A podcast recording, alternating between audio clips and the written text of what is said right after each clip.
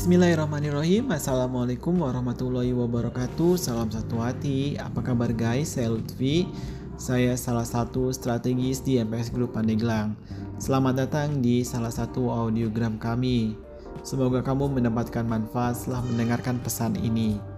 Pada kesempatan ini, saya akan berbagi salah satu kesalahan pelanggan dalam melakukan pembelian sepeda motor di tempat kami, di mana kekeliruan ini dapat berpotensi merugikan pelanggan tersebut.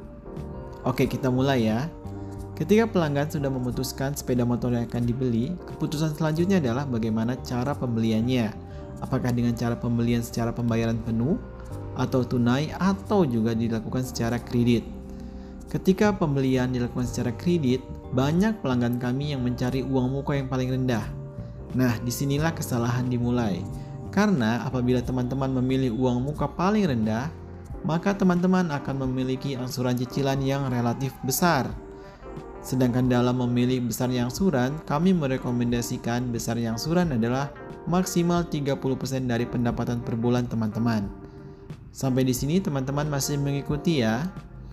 Apabila angsuran lebih besar dari 30% pendapatan per bulan, teman-teman pasti tidak akan nyaman, memberatkan hidup, dan berpotensi terjadinya gagal bayar yang pada akhirnya merugikan teman-teman sendiri di masa akan datang. Nah, saya ulangi lagi, teman-teman jangan memilih uang muka yang paling rendah, tapi pilihlah angsuran yang paling rendah atau maksimal 30% dari total pendapatan per bulan teman-teman.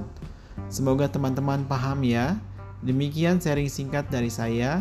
Untuk pertanyaan dan hal lainnya, teman-teman dapat menghubungi kami melalui link website di profil kami.